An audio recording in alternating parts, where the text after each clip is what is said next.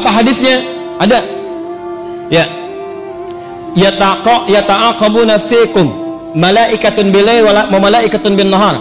Fayajtami'una fi salati subhi wa salati al-'asri. Fasa'adu ila Allah subhanahu wa ta'ala. Kalian itu akan diawasi dicatat amalan oleh para malaikat. Maka malaikat siang dan malam berkumpul di waktu fajar dan asar. Maka mereka naik kepada Allah subhanahu wa ta'ala. Fayaqulullahu ta'ala. Ya maka Allah bertanya kepada malaikat-malaikat itu. Allah maha tahu jadi nggak nanya pun nggak tahu. Nggak nanya pun nggak tahu. Cuma untuk memastikan tugas ditunaikan dengan sempurna dan menunjukkan kepada hamba malaikat tidak akan mungkin menyalahi perintah. Quran surat 66 ayat ke-6 la ya'sunallaha ma amarahum wa yaf'aluna ma yu'marun. Kadang-kadang ada berita disampaikan itu bukan karena Allah nggak tahu tapi untuk membuktikan kepada hamba nih ciptaan saya nggak akan keliru. Lihat. kata Allah bagaimana keadaan hambaku ketika engkau tinggalkan? Kata malaikat taraktuhu musalliya. Saya tinggalkan dia dalam keadaan sholat kalau sedang sholat taraktuhu naima. Saya tinggalkan dia dalam keadaan tidur. Kalau sedang tidur. Bayangkan teman-teman. Subuh. Allahu Akbar Allahu Akbar. Anda sedang zikir di masjid. Bersiap sholat malaikat naik menyampaikan kepada Allah. Allah katakan bagaimana hambaku si fulan? Si angga sedang apa?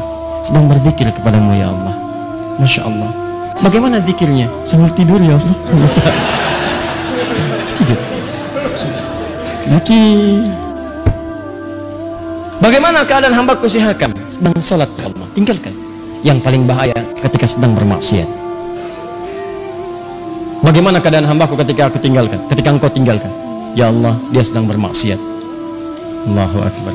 Anda bayangin aja lah. Anda aja disampaikan laporan pegawai menyampaikan kepada Anda, bos. Maaf, saat kamu tinggalkan dia sedang dalam keadaan apa? Waduh pak, dia sedang ngambilin aset perusahaan pak. Pelan-pelan dia masukin tuh gini gini gini. Perasaan anda bagaimana? Pecat dia besok. Untungnya Allah itu rahmatnya lebih tinggi daripada murkanya. Kalau mau tobat, saya ampuni dia. Dorong dia untuk tobat. Nah itu subuh dengan asar. Kemudian yang kedua setiap pekan. Setiap pekan itu berlangsung dua kali Senin dengan Kamis. Hadisnya sahih. Hadisnya sahih di hadis Muslim. Nabi SAW pernah ditanya kenapa beliau menunaikan puasa Senin dan Kamis khususnya di hari Kamisnya. Hari Senin beliau jawab hada yauma waulitu hari Kamis hada yauma yurfa'u fihi al-amal wa uhibbu an turfa amal a'mali wa ana shaim. Dan saya senang ketika amalan saya diangkat saya sedang puasa. Nah, pertanyaannya adalah lihat baik-baik. Kan tadi ditinggalkan sholat, kan? Ditinggalkan sedang sholat. Kenapa Nabi memilih untuk puasa?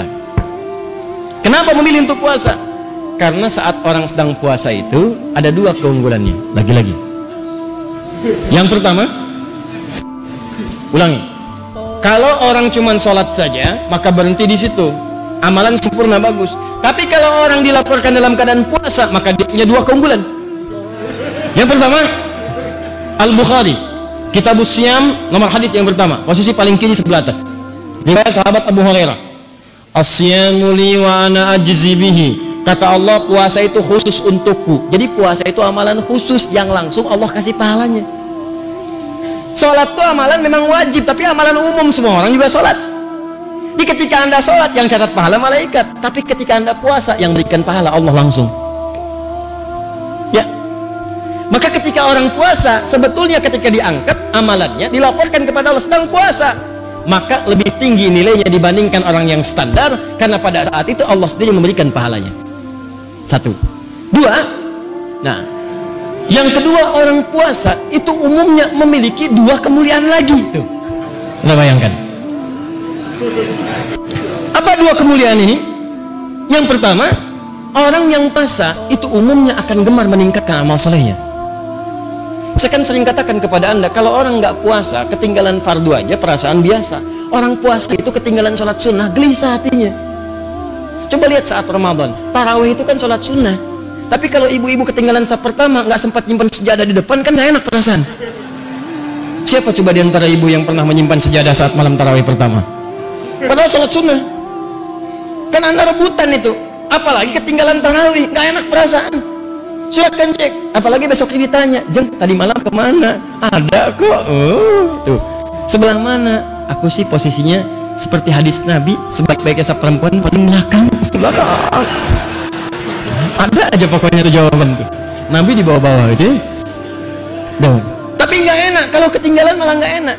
Orang kalau nggak puasa belum tentu punya kecenderungan baca Al-Quran. Tapi kalau puasa pengennya tilawah, berbuat baik. Itu keunggulan yang pertama. Yang kedua, saya sering katakan orang puasa itu orang paling hebat yang bisa nahan maksiat. Orang puasa. Silahkan cek. Mabuk, bohong, berkata kasar, gibah, berhenti puasa. Silahkan cek, berhenti. Demi Allah saya katakan. Coba lihat, Anda mau nonton tayangan-tayangan yang buruk yang gosip macam-macam? Anda palingkan tuh. Jam 5 ada tayangan gosip. Anda palingkan. Kecil apa dimatiin? Biasa ditonton. Enggak. Kenapa? Ntar habis maghrib. Habis maghrib habis tayangannya. Ya. dia tinggalin dulu aja. Ya. kenapa? Nggak mau dia batal puasanya maka orang puasa itu kemuliaan pertamanya meningkat ibadahnya kemuliaan keduanya maksiatnya bisa dia tekan. Maka berkumpullah sifat-sifat mulia ini. Di kalau tiap subuh dengan asar orang ini dalam keadaan sholat dia mulia Senin dengan Kamis dia puasa dia mulia apalagi bulan Sya'ban ada setahun sebulan itu dilaporkan amalan setiap hari. Kalau yang tadi itu kan maaf.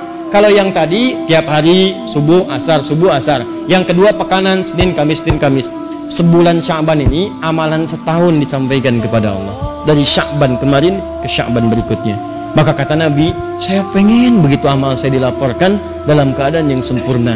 Bagaimana ciri sempurnanya? Saya sedang puasa. Karena saat puasa itu amalan saya meningkat. Yang kedua, saya bisa menahan maksiat. Tapi yang paling penting adalah persiapan Sya'ban itu adalah sebagai warming up adaptasi menghadapi bulan Ramadan. Paham sampai sini?